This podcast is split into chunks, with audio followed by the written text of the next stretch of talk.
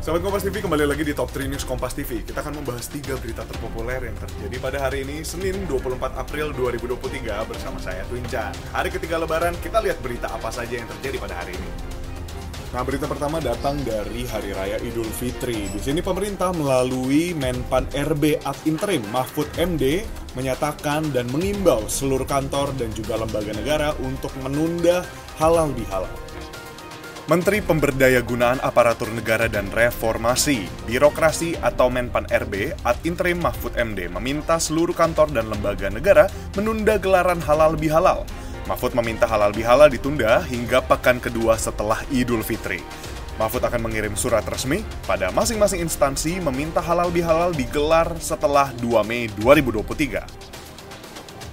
Nah, berlanjut ke berita berikutnya. Berita kedua datang dari kondisi politik di dalam negeri. Datangnya dari Sekjen Partai Gerindra yang menyatakan ada pesan terakhir dari Prabowo yang belum sempat disampaikan kepada Sandiaga Uno karena sebelumnya Sandiaga sudah terlanjur pamit. Kita lihat apa pesan. Sandiaga Uno resmi hengkang dari Partai Gerindra meninggalkan mantan pasangannya dalam Pilpres 2019 Prabowo Subianto. Sekjen Partai Gerindra Ahmad Muzani menyebut ada pesan terakhir Prabowo untuk disampaikan agar Sandiaga bertahan. Namun, pesan tersebut tak tersampaikan karena Sandiaga resmi pamit pada Minggu 23 April lalu.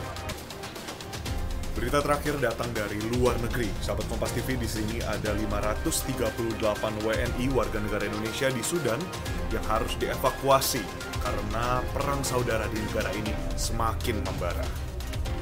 Sebanyak 538 warga negara Indonesia atau WNI di Sudan berhasil dievakuasi menuju Arab Saudi. Adapun WNI dievakuasi karena perang saudara di Sudan semakin membara. Menteri Luar Negeri Retno Marsudi menyebut mayoritas dari WNI di Sudan adalah mahasiswa dan pekerja imigran. Sahabat Kompas TV itulah dia tiga berita terpopuler yang terjadi pada hari ini. Saya Edwin Chan, pamit undur diri. Sampai jumpa di Top 3 News Kompas TV berikutnya. Jangan lupa berikan like, komen, dan juga share berita ini kepada kerabat dan keluarga semua. Dan yang terakhir, masih dalam suasana lebaran. Mohon maaf lahir dan batin. Selamat Idul Fitri, sahabat Kompas TV.